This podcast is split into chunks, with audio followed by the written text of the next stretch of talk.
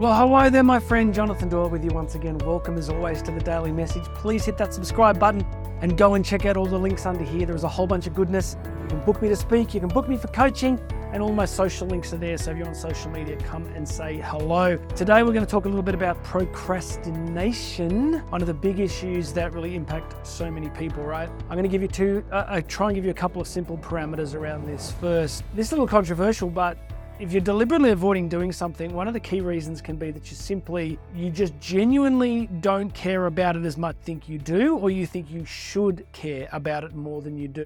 The way to explain this is, you know, if somebody said to you, "Hey, across town, just jump in your car. You've you've won the lottery, but you have to collect it in the next 1 hour." You're not sitting on the couch thinking to yourself, you know, "I wonder if I should get organized to go over there." Okay? So it's an absolute no-brainer. So when we perceive huge amounts of value in something, then procrastination usually doesn't exist. So if we reverse engineer that, usually if we're procrastinating, it'll be because we don't essentially see the value value in something that we think we should see the value in, right?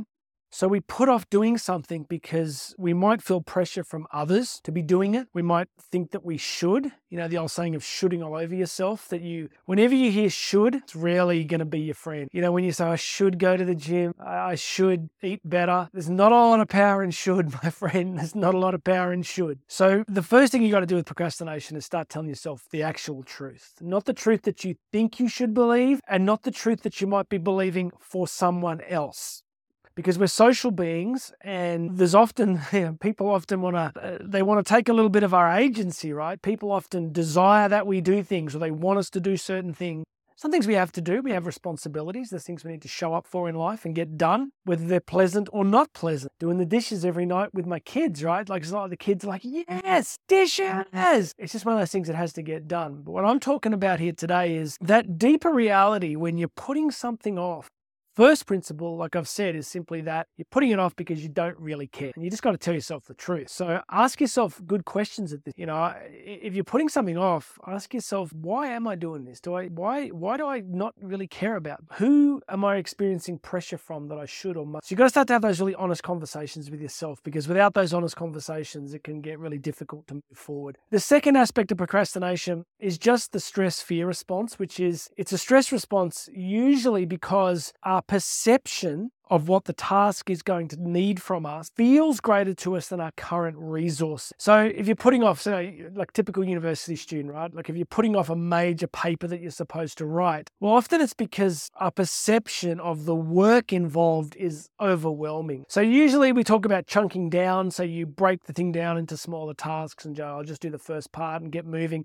That is true. I think if you get momentum, sometimes you just get started, you get momentum, time passes, the next thing you know, you're actually moving forward. So there's the stress part where we don't feel we have the resource. And the way you deal with that, like I said, is you just get started. You have to start. You just have to begin. It's what they call activation energy. You actually have to just do that very first thing, and then the next piece falls into play. But the second part of that procrastination response is fear, which is the fear that we will somehow fail, be exposed, be embarrassed, be rejected, that something's going to go wrong. And and it's just not going to work out. So we it's an avoidance mechanism, right? Because our brains are often looking for certainty. So we avoid doing something because we can't get certainty around it. Makes sense, doesn't it, right? It's like why put off that thing or why do that thing or risk doing that thing if you have a strong sense that you might fail and if that failure will lead to self-recrimination or other people judging you we avoid it that way so how do you deal with that fear piece it's a good question, Jonathan. Thank you for asking. You're welcome. I'm thinking really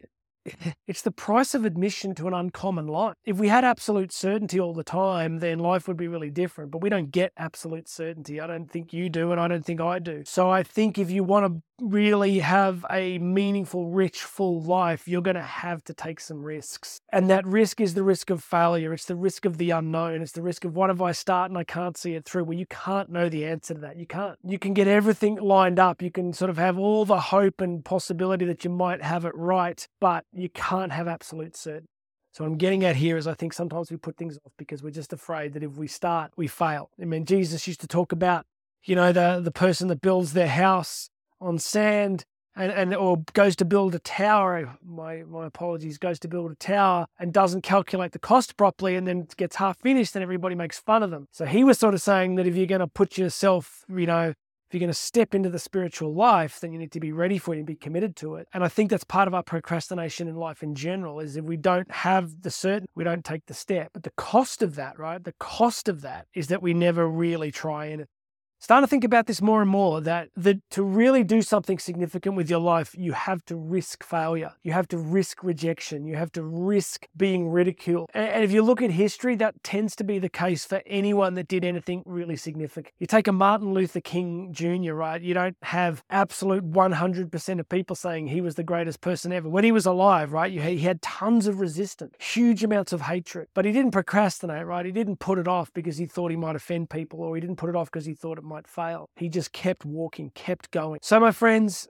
procrastination in summary, it's either because you don't care about it as much as you think you do, or because you don't think you have the resources, or because you're afraid to fail. If you're afraid to fail, then you just need to go and find out because Otherwise, you spend the rest of your life just wondering, right? And you don't want to do that. You want to take that. So sometimes you just got to charge the guns. You just got to take the step. You got to do what needs to be done. It's a little bit like the podcast, uh, the video I did a couple of days ago, where I talked about if you wait for your brain to be completely certain about something, then you could be waiting a long time. There's a cool video of me on my wedding day when I come out the back of the church with Karen, and you see me like go, ah, I was so, I'd been so stressed out that day. I was like so nervous. People go, Well, why were you nervous? And I said, Well, you know, because I knew what I was about to do. I understood the significance and the enormity of making this public covenant that I would be committed for the rest of my life. We're 23 years in now, and I could not have known at the start that I would have absolute certainty that everything was going to work out. And we've had many challenges, but I had to take the risk. I didn't put off getting married because I wasn't completely sure. I stepped into the unknown, and Karen's a very lucky woman because of my brave decision. All right, so take the risks and tell yourself the truth if you're really doing stuff that you don't want to be doing, then you need to let it go because you've got one life and you're here to make a difference and do something amazing. Please make sure you've subscribed. Hit the buttons below. Go check out all the links. You can book me to speak. My name's Jonathan Doyle. You and I are going to talk again tomorrow.